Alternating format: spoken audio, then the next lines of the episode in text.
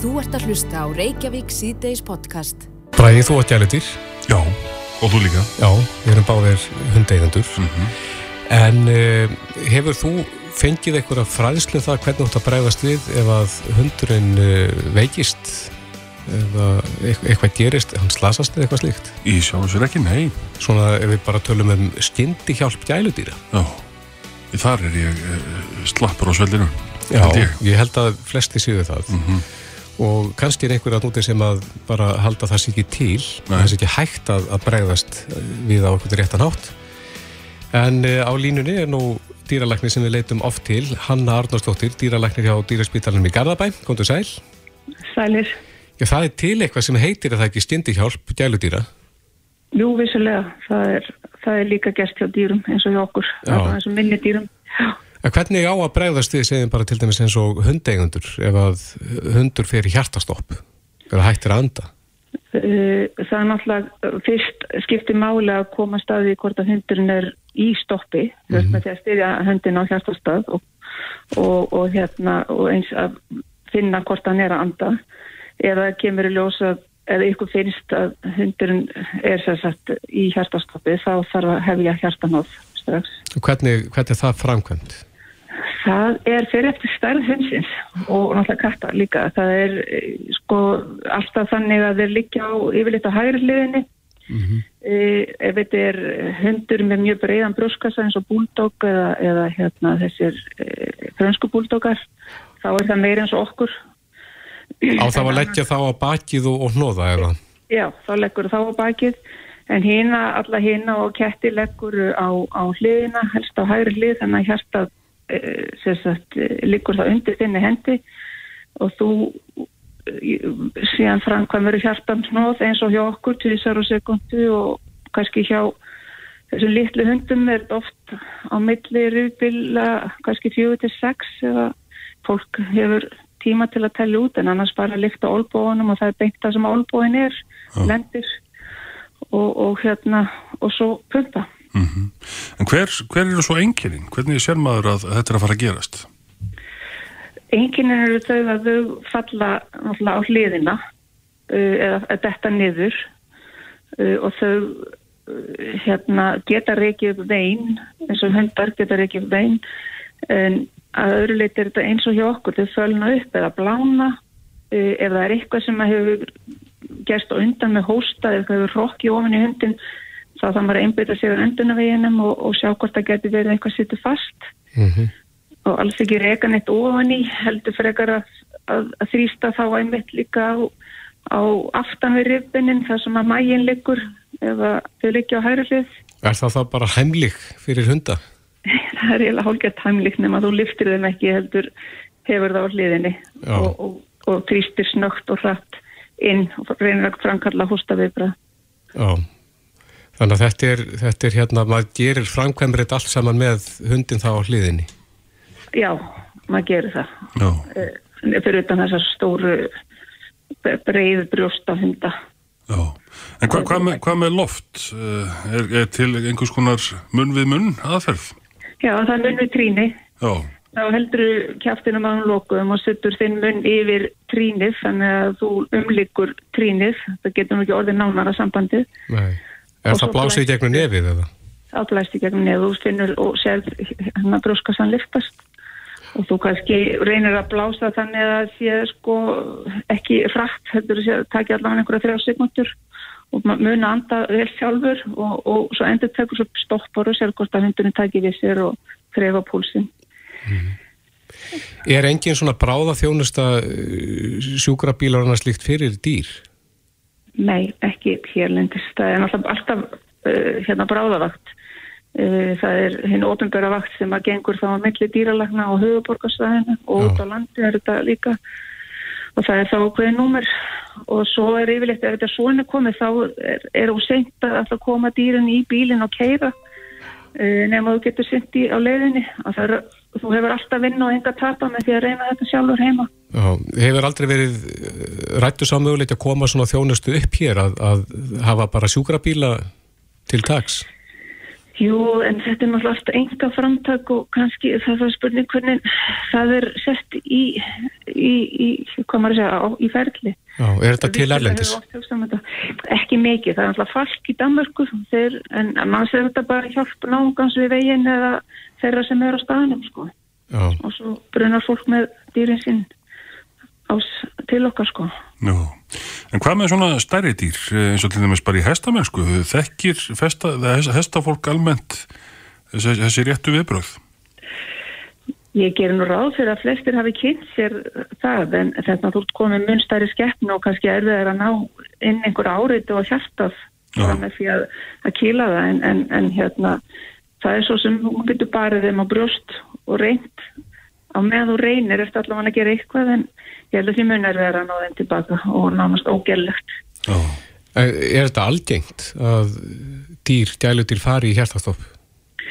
Nei, þetta er kannski ekki algengt þetta er oft dýr sem eru með undirlíkjandi kvilla, hjart, hjart veikir hundar eða, eða eitthvað slíkt eh, sem og svo náttúrulega vissulega algengt að rekkur eitthvað ofan í þá þeir náttúrulega hundar sækja sér alls konar dót og, og það getur staðið í þeim boltar, maður þarf að passa boltarnir séu ekki og litlir.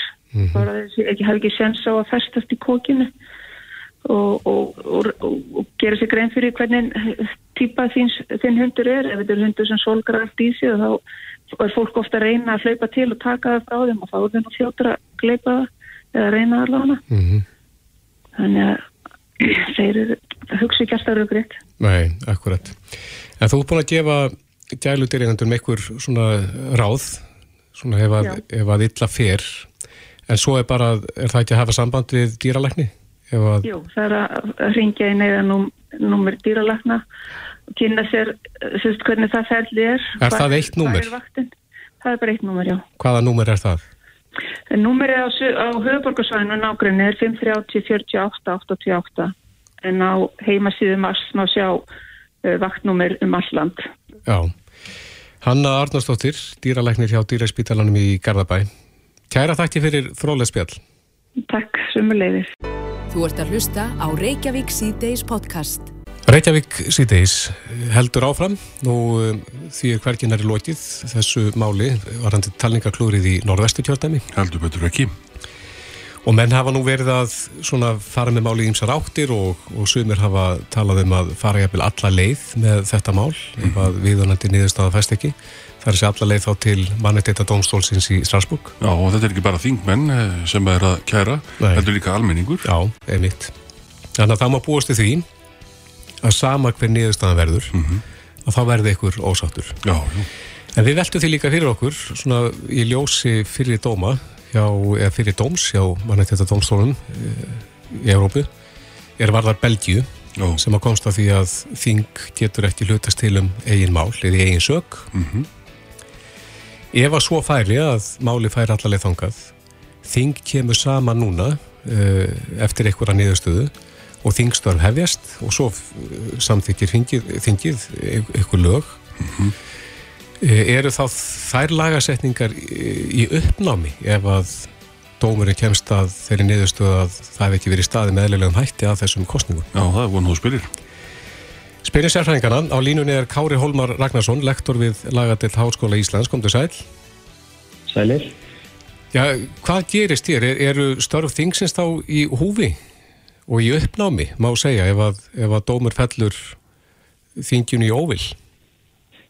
Þetta er auðvitað, nú erum við að horfa þetta langt fram í tíman og gefa okkur alls konar forsendur. Það er mjög skemmtilegt fyrir, hérna, þetta er alveg, alveg jólinn fyrir okkur lögfræðinni með að vera með svona fabuleringar. Þetta er, þetta er meira spennandi en öll eh, prófverkefni sem okkur hefur dóttið í huga síðast árum. Mm -hmm. En eh, ég held samt að eh, grundvallarsvari hérna sé ekki sérstaklega flókið. Það er að, og svari liggur í því að eh, á Íslandi hefur verið litið svo á að þjóðaréttur eða alþjóðarlög eins og mannvögt að sáttmáli Európu grunninn eru aðskilinn frá landsrétti eða lögunum sem að alþingi setur. Það þýðir að þó að mannvöndadómstól Európu komist að einhverju niðurstöðu þessum efnum þá hefur það ekki eitt og sér í för með sér að alþingi sé sko ólögulegt alþingi er haga sér núna í samræðum við íslenska stjórnskipun og spurningin er fremur sko, eða spurningin sem verður í framtíðin er, er þessi framkvæmt á íslenskri stjórnskipun í ósamræmi við mannrættina sáttmála Evróp. Mm -hmm. Er hún það svona á þínu mati? Það er dóm? Það er ekki alveg gefið svar við því sko.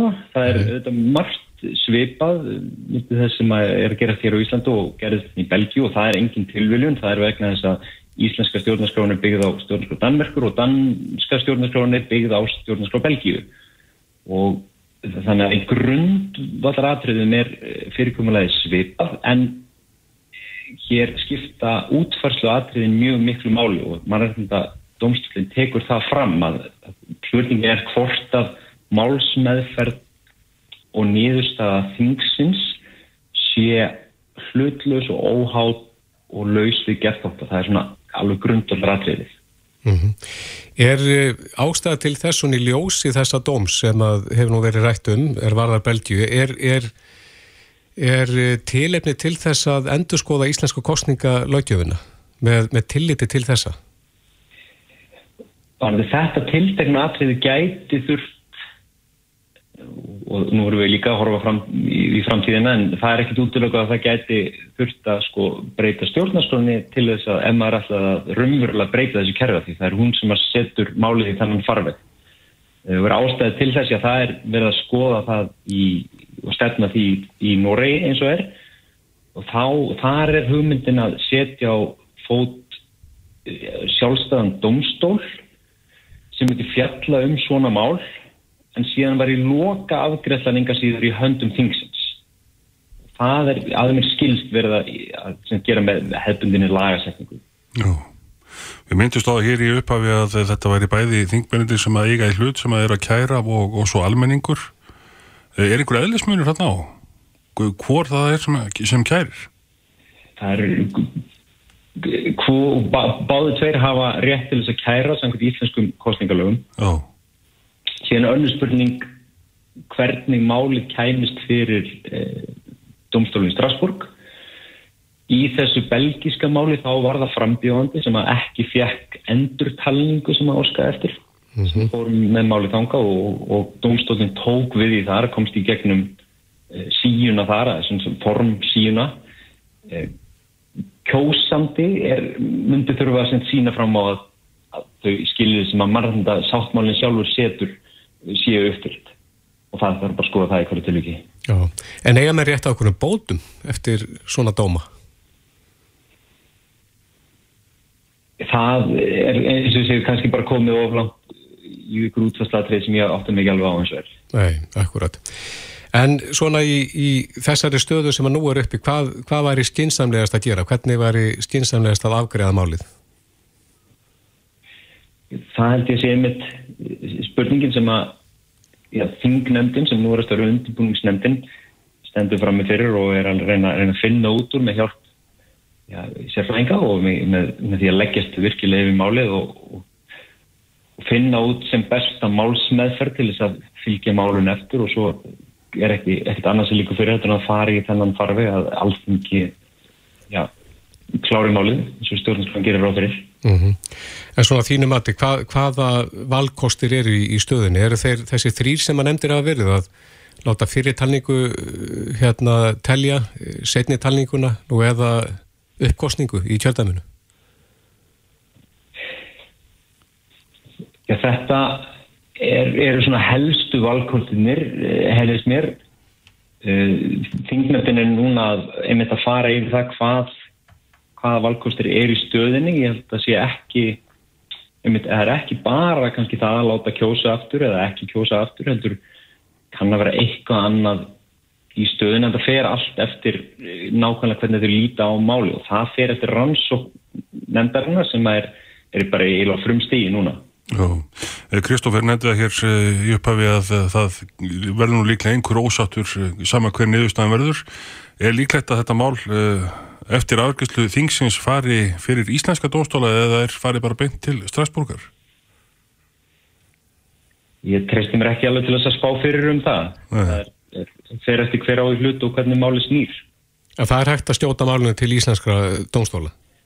varðandi sko ógildi kostningana, það er svona stóra málið, þá hefur verið talað um að það, talað um að það sé ekki hægt. Nei.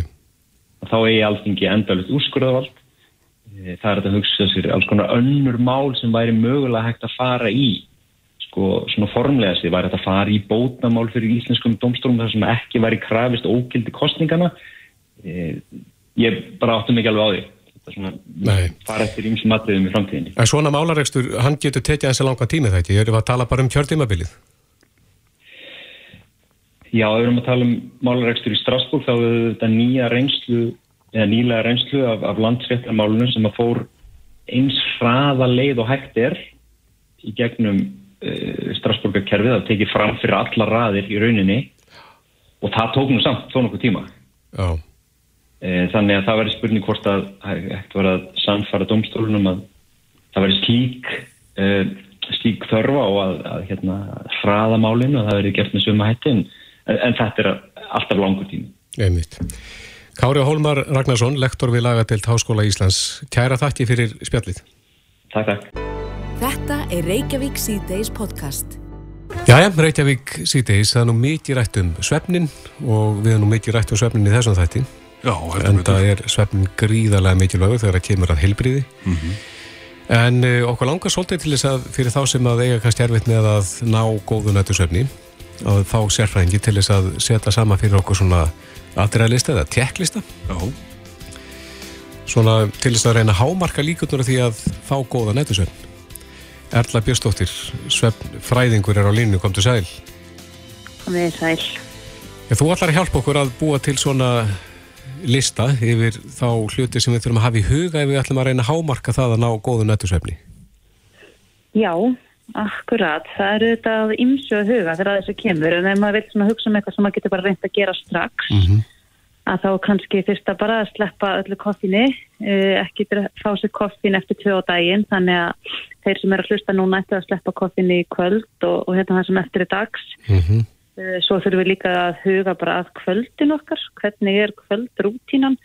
Við viljum til dæmis ekki borða of senkt, ekki borða of nálagt matartíma, sleppa alveg áfengi og sigri á kvöldin. Það hefur slæm áhrif á sveppgæði. Af hverju, hvað er það sem að gerist á í líkamannum?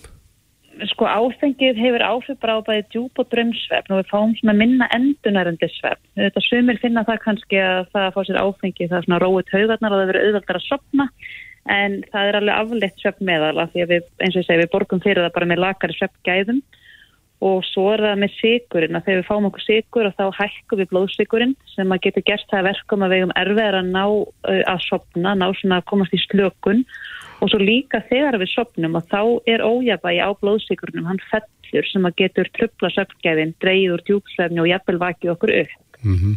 Þannig að þetta skiptir máli. Við viljum líka ekki vera í ómiklum asa eða reyfingu á kvöldin. Þó reyfing séu þetta af því góða fyrir svefn og getur bætt svefngæð okkar. Það er ekki mest með því að vera að reyfa sér sem að síðustu 2-3 tímana fyrir svefn. Þannig að reyna frekar að koma okkur í slökun, uh, leggja frá skjátækin, uh, svona aðeins að minka öll þessi áreiti í umhverfinu, fara kannski frekar bara í heitt baf, lesa, hlusta á hljóðbók eða rólega tónlist eða koma okkur í svona rólegan gýr áðurinn fyrir að sofa og sérstaklega passa að forðast öll svona streituvaldandi áreiti á kvöldin, ekki vera að vinna eða fara yfir ógreita reikninga eða eitthvað sem getur valdið okkur uppná með að streitu af því að þegar okkur líður þannig að þá eru þetta eðlumál sem samkvæmt erfiðar að sopna. En aðeins varðandi sjónvarpið, nú er það bara, hefur verið í kannski mörg á hluti af kvöldrútinunni, það er að setjast niður og, og horfa upp á státinsinn. Mm -hmm. Er hægt að gera það með þá örugari hætti? Það er segja, er það þessi bláa byrta sem að þú ert að spá þá í? Já, það er held bláa byrtan og sjónvarpið kannski er að mörguleiti mun skarra heldur en símin eða talvan bæði vegna þess að fjarlæðin er yfirleitt meiri þannig að það byrstan er ekki jafn mikil og líka að áreitið er kannski aðeins passívara þegar við erum að horfa á sjónvarpið. Við erum ekki í svona mikill örfun eins og þegar við erum í samskiptum eða lesa fréttir eða tala við fólk eða jæfnvel vinna eða eitthvað sem við getum verið að gera í snjáltækjunum. Mm -hmm. Þannig að sömur auðvitað finna fyrir því að það að horfa á uppáhaldstafni sem fyrir svepp getur bara veitt manni slökun og hjálpa mann að sopna. Þannig að maður þarf auðvitað svolítið að finna hvað virkar fyrir mann sjálfan. en allavega svona að draga úr áreitunum þessi sí, símin og all þessi hérna, þessar tilkynningar sem við erum að fá í tíma og ótíma og svara vinnupóstum og annað, reyna að láta það alveg vera á kvöldin og svo getur líka skipt máli að við erum að horfa á sjónvarpið bara hreinlega hvað við erum að horfa á oft kannski við erum að horfa á eitthvað sem að kemur okkur í uppnám eða er ofspennandi eða eitthvað slíkt og hvað getur það líka gerst að verkum og það er erfiðar að slopna en að það getur líka haft áhrif mm -hmm. En hvað með, hvað með hýtastíð? Eh, það er margir sem að vilja sofa við opin glukka, eh, sem að vilja keira upp hýtan, hafa lít, sem að vilja kannski hafa litið svona kallt? Já, það skiptir miklu máli hvernig söfn umhverfið okkar er og söfn gæðin til dæmis eru best ef við erum í algjörumiskri og svölu lofti. Kjör hýtastíð fyrir söfn eru svona 16 til 19 gráður. Þannig að það er fekkar kallt inn í loft. Uh, þetta þýðir ekkit endilega okkur fyrir að vera kallt. Ef við erum kulsækina þá getum við bara verið í náttfötum eða með hlýja sæng. En lofti sem við öndum af okkur og það sé frekar svalt. Og þetta hefur bara með hitast í líkamans að gera. En líkamsýttin okkar hann er í lámarki á nóttinni og það, það, þannig held, haldast söfngæðin betri þannig að það skiptir máli að vera með frekar svallloft og einmitt hafa ofin glukka þannig að við fáum svona gott súrefni inn það sem við sofum mm -hmm. og svo þetta það að reyna að forðast svona þessi trublandi áreiti í söfnumkörfinu uh, geima síman frammi, ekki taka tölvuna með upp í rúm, uh, sjónvarpið og allt þetta að hafa svona söfnherfi kannski svolítið sem svona einhvern greiðar stað sem að fyllur okkur ró og velíðan og sé svona umvefjandi umhverfi þar sem okkur líður virkilega vel. Já, en nú erum við komin inn í Svernarveikið og við vorum aðeins búin að fara við þá þau atriði sem að við hefum að stilja að gera áður við fyrir minn. Eh, þú talar einmitt um eh, svona æsing eða við meðum ekki vera að æsa okkur á mikið upp. Hvað með rómans rétt fyrir söfnin? Jú, auðvitað viljum við ekki taka alla gleði úr lífinu og hérna við segjum það nú ofta að söfn herbergið eigi að vera engangu fyrir söfn og kynlíf og það er bara alveg að finna góða og bara mjög margir sem finna líka bara fyrir ró og slökun við eftir kynlíf þannig að við skulum ekki taka það úr svefnherberginu. Ba bætir en það svefnin hugsanlega? Það getur alveg gert það. Mjög margir finna að þeir bara verða slakari og hérna, eiga auðveldara með að sopna eftir það og meðan að fyrir aðra kannski þá getur það að tekið smá tíman á sig niður þannig að við erum auðvitað bara misum hvað þetta varðar mm -hmm. en við viljum ekki, eins og ég segi, við viljum ekki taka það í burtu en svona önnur örfun og æsingur er eitthvað sem ættum að, að láta vera. En aðeins varandi búnaðinn, það náttúrulega skiptir mála að vera í góðu rúmi en, en svo er, hefur verið vinsalla upp á síðkastið að, að kaupa svona þingingarteppi eða sængur. Mm -hmm. Skiptir það máli hvort að við erum með eitthvað létt yfir okkur eða eitthvað sem að svona grýpur við lötanum hann? Sko ég held að það sé bara rosalega erfitt að segja eitthvað eitt fyrir alla þarna. Við erum auðvitað bara mjög misjöfn hvað þetta varðar við misheitfeng og misjöfn hvað okkur finnst tægilegt við þessar þingdarsængur, þær hafa virkað vel til dæmis fyrir börn með ATHT og svona fólk sem að upplifu kannski svona óróa í líkamannum, yrðarleysi og annað og sem finnst þetta mjög þægilegt og meðan að öðrum finnst þetta ekki gott þannig að við þurfum svolítið að finna okkar takt og, og okkar þingt þá að, Já og það er líka bara mikilvægt að við deilum rúmi með einhverjum öðrum að við þurfum ekki endilega að vera með sömu sængina mm -hmm. eða sama kottan. Við þurfum svolítið að hugsa um hvað er það sem virkar vel fyrir mig. Ég þarf að reyna einhvern veginn að gera Já, en hvernig er það síðan þegar þú vaknar? Eh, það er margir sem að snúsa, getur það haft áhrif á eh, svefnin yfir nóttina hvernig þú síðan vaknar? Já, það er nú best fyrir okkur að vakna upp úr léttum svefni og mm. léttur svefn er ríkjandi undir morgun þannig að öllum líkjandum fyrir að klukkan ringir í fyrsta skipti þá erum við að vakna upp úr léttum svefni Uh, ég mæli ekki með því að vera að stilla klukkuna sérstaklega snemma til þess að eiga inni fyrir snúsinu því ég veit að sem er gera það að vilja snúsa kannski í ég vil hálftíma 40 minnir áðan fyrir fætur en þá er miklu betra að bara fá óslitinn svepp þennan hálftíma eða 40 minnir og vakna bara þegar að klukkan ringir. Þannig að snúsi er kannski svolítið ofta að skemma fyrir okkur þennan samféltasvepp og það er betra bara að fá lengri samféltasvepp heldur en að vera sífælt að rjúfa sveppnin svona undir morgun. Mm -hmm. Ef við draugum þetta saman, ef við förum yfir uh, og eftir því sem að þú hefur rálagt núna, þá ætti það auka líkunar á góðum nætusöfni. Já, ekki spurning og svo bara gott er við vöknum að kveikja mikið að ljósum, fá byrtu, setja góða tónlist í gang og svona þess að keira okkur upp inn í daginn. Það er líka mikilvægt að huga morgunrútinu. Já, setja kannski bítið á. Já, nákvæmlega. Það er nýtt. Erla Björnstóttir, fræðingur hjá Betrisvepp.is. Kæra þakki fyrir þetta. Takk fyrir. Reykjavík síðdeis á Bilginni podcast. Reykjavík síðdeis, eh, fastegnaverð hefur nú verið mikið til umræðu upp á síðkastið en það hefur fastegnaverð rókið upp mm. í þess hvar. Var það ekki mest megnis út af eh, því að það vantar húsnæði? Jú, ja, menn það fyrir tvennum sögum af því og, eh, en jú, málsmetandi aðeinar haldaði fram að það sé loðaskortur mm -hmm. sem að sé mest um þar að kenna. Og farmáður Raffer, hann segir í samtali við Vísi að húsnæðismálum er þungamiði að koma til kjærabarötu en neyðar ástand blasi við ef húsnæðistörfinu verður ekki mætt sem nefnir nýju breyðholti að hans mati. Þetta saðan í samtali við Vísi en e, á línunni er formaða Raffer, Ragnar Þóri Ingólfsson, tóndu sæl. Já, komið sælir. Já, þú talar þarna um að það sé þörf bara nýju breyðholti, hvort ég meirinni minna? Já, það er alveg ljósta að uh, það sem er í pípunum hjá sveitafélagunum, það mun ekki uppfella þeirri þörf sem að Eh, húsnæðis og mannverkjastofnun hefur uh, talið að þurfi til þess að, bara halda í við bæði fólksfjölgun og, og, það sem þarf af íbúðum til þess að, til þess að upp, uppfylla uppsafnaða og síðan framtíða þörf húsnæðis næstu tíu árin. Og það likur alveg fyrir að það vantar tölvört mikið upp á. Nú höfum við þessa tölur, það þarf ekki lengur að, að telja byggingakrana, heldur likur það fyrir hvað vantar og hvað þörfin er, uh, lámastörfin og það er bara alveg ljóst að það þarf uppbyggingu á, á, á nýju hverfi eða, eða, eða stórum uh, byggingarreitum til þess að, eiga einhvern möguleik eiga að stemma stegum við ekki bara fyrirsjáanlega uh, fyrirsjáanlega vanda uh, á húsnæðsmarka heldur líka rauninni bara þessar skelvilegu stöður sem við stöndum fram með fyrir í dag. Já, á þetta aðalega við um höfuborgarsvæðið eða áta við um allt landið? Uh, það er þörf á uppbyggingu víðar en á höfuborgarsvæðinu og bæði fyrir vestan og, og norðan og austan. Uh, en staðan er sínu vest hér á höfuborgarsvæðinu og hún mun bara vestna og mun jafnvel vestna enn meira ef að við förum að horfa á ferðamannaströym aukast aftur og leigu til ferðamanna, það er íbúið sem hafa þá komist í, í, í leigu til almennings farið síðan aftur yfir í, í Airbnb eh, ef það ætlar að nefna einhver dæmi. En af hverju segir þetta skipti svona miklu máli þegar það kemur að uh, kjærasemningum? Já, við skulum taka dæmi.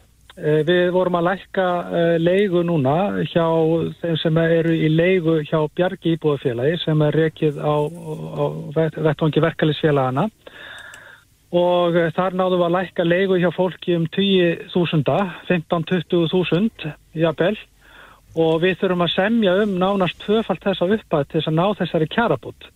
Þannig að við hljótum að, það hljóta allir að sjá hvað er mikið í húfi fyrir okkur í verkefælisreiningunni ef þessu kostnaður er sífælt að aukast. Eins og til dæmis hjá fólki sem er í, í, hjá almennu stóru legufélónum með verðtriða, vísutölutriða legusamninga, það sem legan hefur séðan hælkað um 10, 15, 20 þúsund á síðustu 15 mánuðum að við þurfum að semjum nánast tvöfald þess að uppæð bara til þess að halda í við þennan aukna kostnad. Þannig að, þannig að mikilvægi þess að horfa í báða enda þegar við komum inn í kjærasemminga viðræður, bæði það að bæta kjörfólks og auka raðstöðunatekjur með herri launum, en ekki síst uh, að uh, horfa til þessari mikilvægustu uh, ráðstöðuna króna sem við fáum með því að lækka kostnad og þá horfum við fyrst og fremst í húsnæðiskostnaðin sem er staðsti kostnæðaliður heimilis.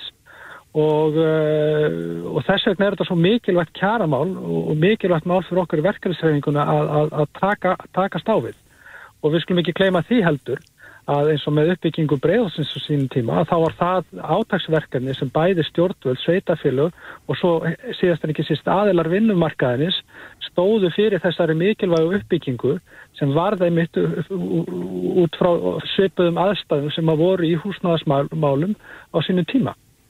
Já, en uh, annað sem að tengist þessum uh, málum og, og uh, það er að húsnæðisverði, þetta var nú reyndar aðeins rætt í bítin í morgun, en, en húsnæðisverðið er haft inn í vísitölunni, er komið tími til þess að endur skoða þá ráðstöfun? E, jú, mikil ósköp. E, þetta var eitt af þeim atriðum sem að voru í lífskjara samningnum.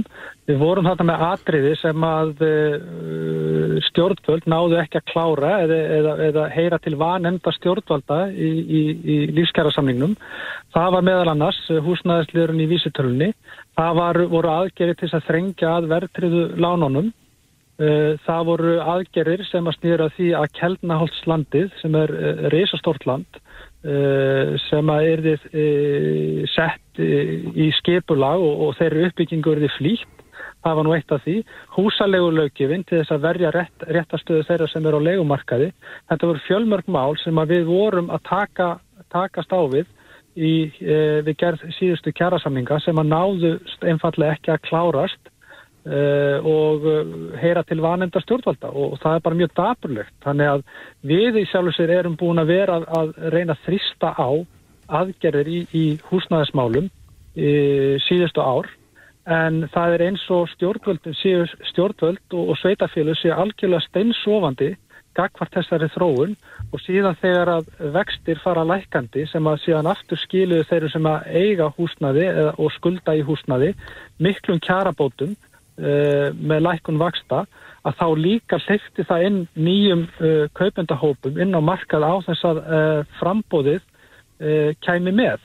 Þannig að enn og aftur eru stjórnvöld og stjórnmálinn að bregðast fólkin í landinu með algjöru aðgerði, aðgerðarleysi og sinnuleysi í þessum mikilvæga málaflokk og eh, enn og aftur þurfa, þarf verkefliðsreifingin og, og mögulega með samstarfi aðela vinnumarkaðarins eða okkar viðsemyndur að þrista síðan á stjórnvöld í að fara í einhvers konar átak sem að uh, væri þá jöfnu við uppbyggingu breyðarsins á sinni tíma. Það þarf ekkert minna.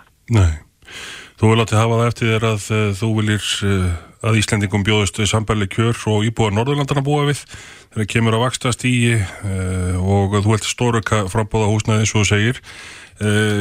Hver eru kjörin sem að nágrannur okkar er að fá?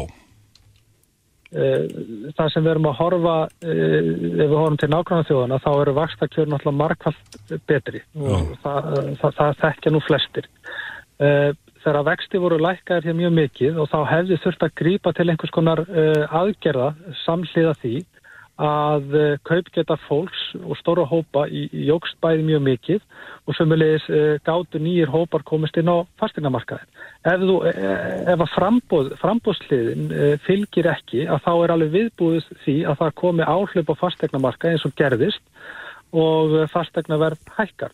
Þannig að Sæðlabákinni sjálfs er, er bæði að grýpa allt og sent inn í með þessum aðgjöfum vegna þess að það eru uh, nánast uh, engar fastegnir í bóði í dag. Uh, og, og þess vegna eru við að gaggrina það. Af hverju að koma með aðgerri til að stemma stigum við þenslu á fastegnamarkaði þegar er einhver eigni til sölu Þetta, þetta er ekki rétt aðferðafræð. Við þurfum að finna aðra leiðir til að stemma stígu við verðbólgu, sömu verðbólgu til dæmis og, og, og, og sami, sami húsnæðisliður er á stóran þátt í að, að að uh, gera það verkum að Sælabankin getur ekki staðið sín verðbólkumarkmið.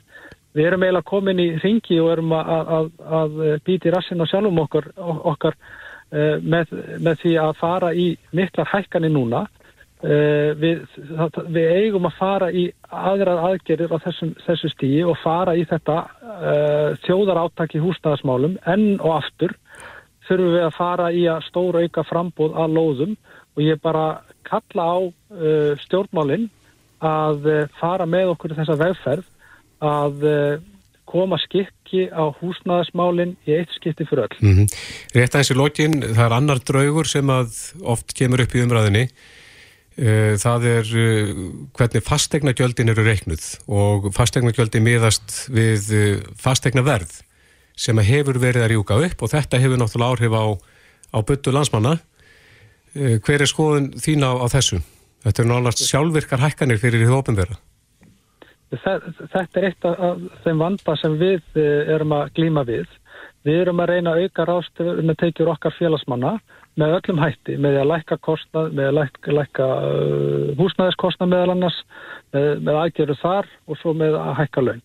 Eh, Sveitafélagin eh, eru farin að líta á fastegnagjöldin sem eh, óriðvanlegan tekjustofn, síhækkandi tekjustofn og hafa þar alvegandi hag af loðaskorti sem þau sjálf bera síðan ábyrð á. Og þetta er þróun og rauninni staða sem þarf að vinda ofan af líka að það sé ekki hagur sveitafélaga að það sé viðvarandi loðaskortur með síðan uh, tilherrandi söflum og hækkun á, á, á fastegnagjöldum og fast, eða, sérst, fyrst á fastegnamarkaði og síðan fastegnagjöldum að, að, að, að þetta haldist ekki hendur. Hvaðin þarf að vera til staðar fyrir alla sem að skipta máli eins og, og sveitafélagin og stjórnvöld að hér sé uh, hagkvæmt að búa bæði hvað varðar húsnæði, leigu, uh, aðganga hagkvæmu húsnæði og sömulegist líka kostnæðin við að reka húsnæði. Og þetta er finna... hjá heimilum, þetta er líka hjá, hjá fyrirtækjum. Já, þarf að finna annan fyrirkomulega á, á hvernig þetta gjaldi reiknað að sjálfsögðu þarf að finna annað fyrirkomulega því að meiri segja hjá fyrirtækjum að, að þessi aukni kostnæður, hann fyrir líka út í vöruverðið og, og hækkandi vöruverð og hækkandi kostnæður fyrirtækja sem er líka fylgifiskur þess. Við skulum ekki gleyma því að núna vakstahækkanir hafa gríðarlega, áhrif á, á, á skuldsett fyrirtæki sem þurfa síðan að velta kostnæðan múti verðlæð. Alveg svo, svo, svo sveitafélagin er að gera með hækkun uh, fasteinangjalda. Og Verði... þetta fer allt í byttina og þetta gerir alltaf verkum að við þurfum að sækja þessar hækkanir og þessu aukni gjöld í næstu kjærasamningum og það er það sem við viljum komast hjá. Verðum að setja punktin hér, Ragnar Þóri Ingólfsson, formaða vafer. Kæra þakki fyrir þetta. Takk sem við leiðum. Reykjavík síðdeis á bylginni. Jæja, stjórnar mynduna viðræður, eða þreyningar, halda áfram. Það sem Jó. að menn eru svona að ræða stóru málinn og það kom nú fram í fréttum í dag að, að sjálfstæðismenn vilja fá helbriðis ráðnettið. Já. En helbriðismálinn voru stór partur í þessari kostningabaróttu. Ég heldur betur þar sem að menn hafðu svona sitt að segja um hvernig þetta eh, haga þeim málum í framtíðinni mm -hmm. og þau hafa náttúrulega verið bit bein á þessu kjörnumabili sem að nú er uh, lokið Já, og svo náttúrulega kom þessi heim, heimsfaraldur ofan í það ofan í þetta allt saman Einmitt. En uh, hvað segja fagmæninni sjálfur?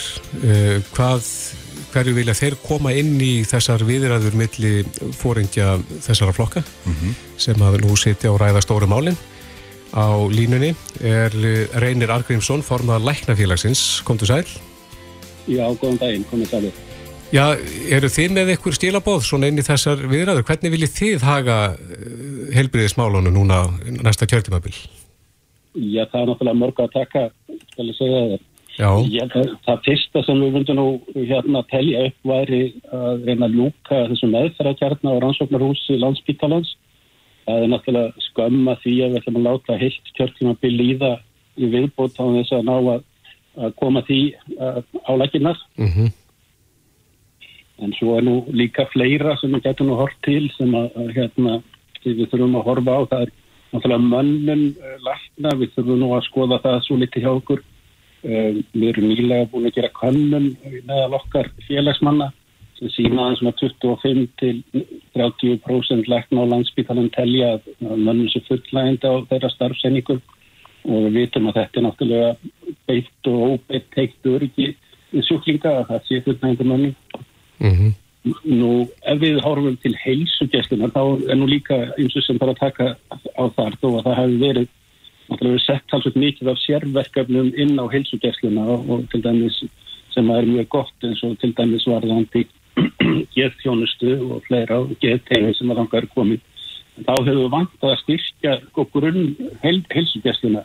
Það hefur við setið eftir og ekki verið settið peningar í það og, og ef við gefum okkur að, að allir landsmenn og fjölskyldur hafi sem heimilisleikni eh, sem við getum leita til að þá vantar mikið upp á það og, og nýlegar tölur sínað á höfuborgarsvæðinu er hlutfall skráðura á heilsugjastustöðarnar sem eru án heimilisleiknis, eru bara skráðir á stöðina, eh, eru allt frá 18% til 66% það sem ástandi er vest og síðan náttúrulega út á, út á landsbyðinni og dreifbílinu er þetta náttúrulega alveg æpandi þörf þar að, að, að, að þar eru bara læknar sem koma og stoppast upp í einu og, og er að leysa af og, og sá vandi er, er meiri eftir því sem að við förum lengra frá lengra frá höfuborginni og, og þetta þurfum við náttúrulega að skoða allt saman. Já, ég, það getur náttúrulega orðið breyting á og er þá kannski til eins og verra. Eh, hvað þetta varðar þegar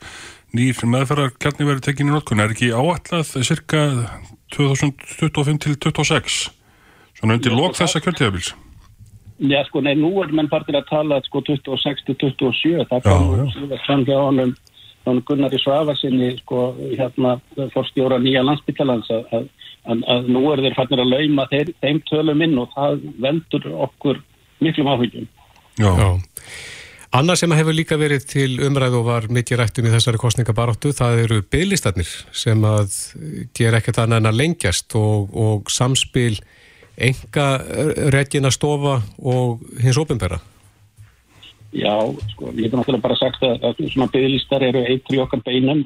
Það er mjög vant að horfa upp á það að sjúklingar vestna.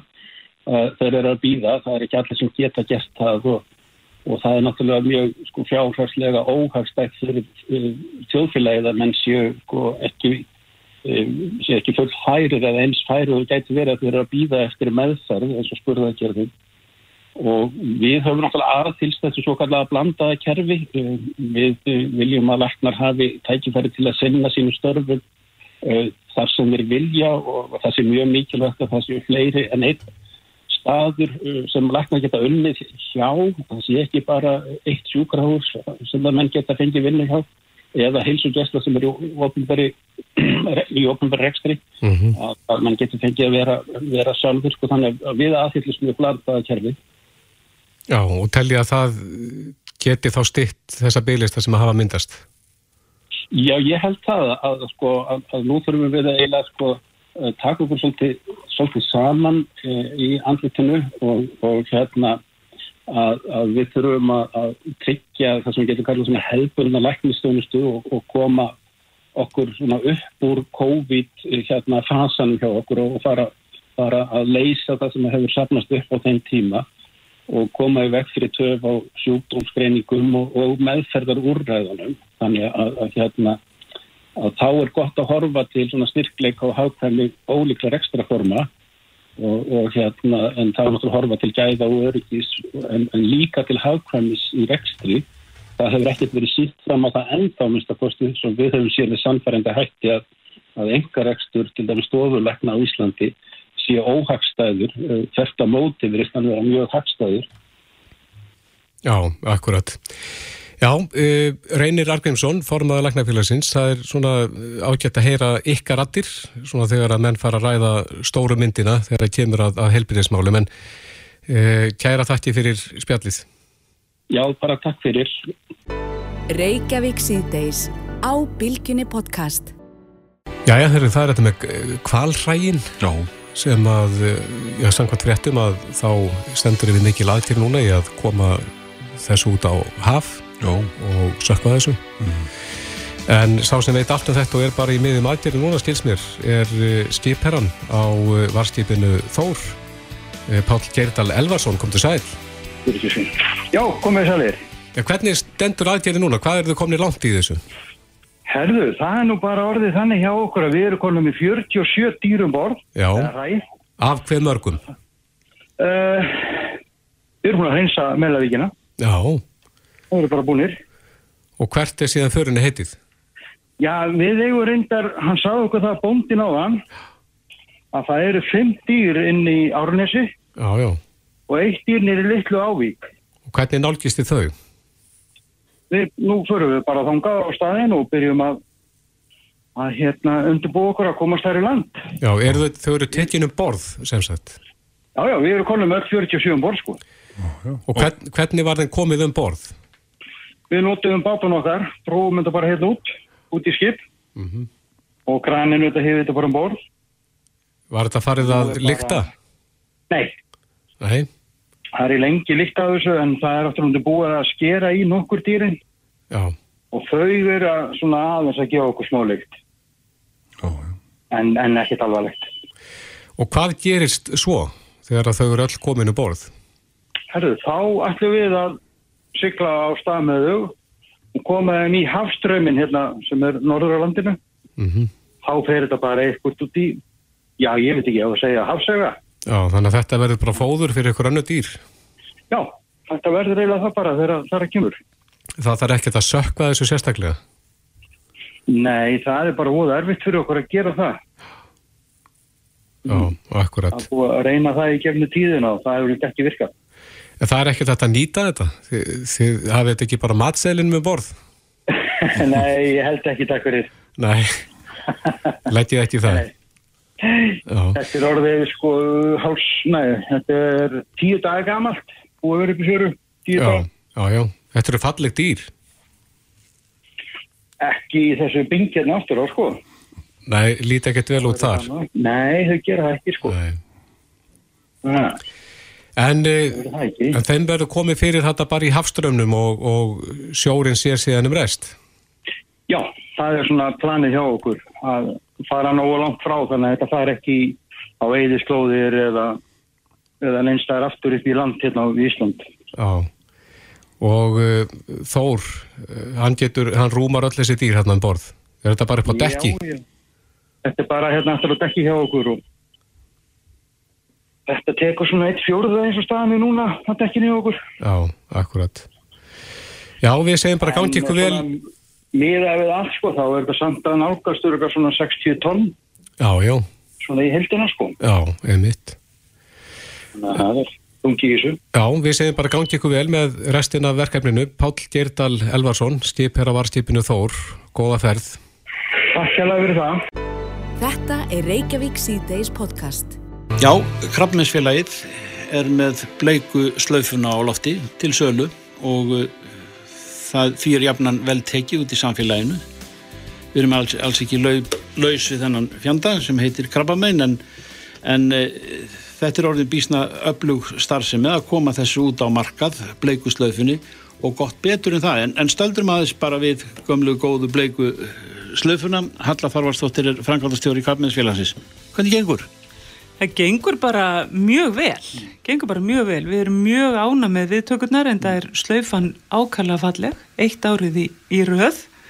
Og, og hérna nú þetta stittist í sölutímabilinu og, og uh, slaufan er bara langt komin í sölu, bæði sem þetta eru fáir dagar eftir, það er þriðu dagur í dag og förstu dagur er síðasti söludagurinn, mm -hmm. en slaufanum er líka mjög mikið að fækka í landinu eða á höndum þeirra sem er að selja hana því að það, hún er bara komin um hálsina fólki e, COVID-tímar hafa framkallað e, stilleika í fluttningum og, og, og þar með aðfengum hefur það ekki ekkert hindrað átakið í ár? Það hindraði okkur svona næstum því mm. við lendum í, í, í töfum mm. en, en ekki þannig að það litist skadi af og við sjáum auðvitað núna mjög mikinn mun frá árinu fyrra mm. því að oktober, í oktober í fyrra þá var fjöldi fólks í einangrun, þar með tali ég mm. og, hérna, og fólk náttúrulega hætti sér valla í verslanir og þá sáum við, þá dalaði salan töluvert og við sjáum gríðarlega mikla breytingu í dag þegar mm. samfélagið er miklu opnara mm. uh, Framlengið eitthvað sölu tímabilið? Í ljósi þessa? Nei, nei, nei, nei, nei, við getum það ekki því að hérna svona fjáröflunum sala eins og bleikaslöfan er hún lítur mjög ströngum reglum mm. hún er sem sagt uh, við getum seltana án virðisöka skatts mm. en þá er það líka þannig að þá megu við bara selja í 15 daga þannig að eftir förstu daginn þá er sölu og bleikaslöfunni lokið mm. Ég heyrði eitthvað, nú veit ég ekki um það, heyrði að það er ekkert að kaupa sparislöf eða eh, diskóslöfu eða ég veit ekki hvað, hvað þú kallar þetta. Já, viðhafnaslöfuna og þetta er gott útvart því að ég er með hana um hálsin viðhafnaslöfuna eins og, eins og allir, allir hlustendur sjá. En hérna, já, það hefur á hverju ári í daldi mörg ár verið framleitt líka viðhafnaslöfa mm. sem er, hvað var að segja, hún er úr fítna efni, það er mm. silfurslöfa sem er, er húðum með 14 karata gulli og hún er svona stærri og veglegri og dýrari. Mm og fellur alltaf í mjög góðan jarðveg, hún hefur alltaf selst upp, hún er ekki uppseld í dag en, en hérna ekki dóla mörg eintöku eftir. Mm. Nú er, er sæmileg dreifing á þessu, sko, rekst fólk á þetta í, í búðum fram á förstu dag uh, slöfunu og, og, og viðhafnar slöfunu líka eða? Já, já, sko bleikaslöfan er til sölu á um 300 sölustöðum. Já og þannig að það er nú held ég fyrir flesta bara svolítið erfitt að komast undan henni sem okkur finnst gott mm. en, en hérna uh, sparislaufan hún er seld bara á fáum stöðum mm. hún er seld uh, hjá okkur hjá Krafninsfélaginu í, í vefðsluninni Hún er seld hjá hönnuðunum, henni Hlín Reykdal í, í hennar verslun í, í Kíosk á, á Granda. Svo er hún seld hjá Mepa, bæði í Kringlunni og, og Smáralind. Mm. Alltaf ég sé hérna í stuttustansi hjá okkur í hjá Kalmarsfélaginu að hér eru allir gangar bleikir og, og, og, og það eru kassar og pakningar af, í öllum regnbóðanslitum en þó með ríkjandi bleikum lit eh, er, er, er þetta varningur sem er að, eða bara hús og hýpili hér í Kalmarsfélaginu að verða bleik, alveg? Já, við náttúrulega erum ofsalega mikið bleik í oktober mm. Þa, það er náttúrulega raunin og það sem að þú sást þegar þú gegst hérna um gangana, það eru hérna einmitt pandanir sem að hafa borist í vefverslunina sem að fólk hafa eftir að sækja til okkar en í vefversluninni þar er náttúrulega mm, fyrst og fremst til sölu núna bleikaslaufan en líka alls konar spennandi varningur mm. bæði bleikur og í, í öðrum litum en við reynum að vera þar með vörur sem að hvað að segja, sem að bara fólk getur hugsa sér að eignast og, og þarf á að halda og, og seljum það og ágóðin rennur til málstæðarins mm. Mm. Halla, það verður ekki hjá því komist að, að spurja um já, COVID-i framkallaði svona um, umræðu sem að og, og það var stundum róstu samt svona þegar að steitti á einhverjum skerjum í, í, í, í heilbreyðiskerfinu krabbmennsfélagi hefur, hefur setið undir svona gaggrín á vissum sviðum. Eh, hefur það áhrif heft svona þegar upp er staði og þetta er svona komið á beinubröðina núna og salan og bleikuslöfinni hefur þetta haft einhver áhrif eh, mikil umræða um, um krabbmennsfélagið og, og, og svona vekkferð þess e, á söluna? Það hefur auðvitað alltaf áhrif ef, að, ef það er einhver neikvæð umræða mm. og, og hérna auðvitað hefur það alltaf áhrif mm. en uh, við eins og ég sagði áðan að þá gengur salan ákálega vel mm. og, og við finnum bara fyrst og fremst fyrir alveg ofsalega miklum velvilja út í samfélaginu mm. bæði hjá almenningi sem, a, sem að kaupir slöfuna og bara hjá ótal, ótal samstarfsaðilum sem að er að láta hluta af eh, ágóða af andverðis sinnarvöru sem þeir selja mm renna til félagsins og svo náttúrulega til allra þeirra sem að aðstofa okkur við söluna. Mikið velvilji, gríðarlega mikið og enda sko málefnið eru þetta þannig að það bara varðar okkur öll. Það er sko, það eru réttæfla 900 konur sem að greinast með krabbaminn á hverju einasta ári. Í bleikuslufinni eru við auðvitað með fókus á konur.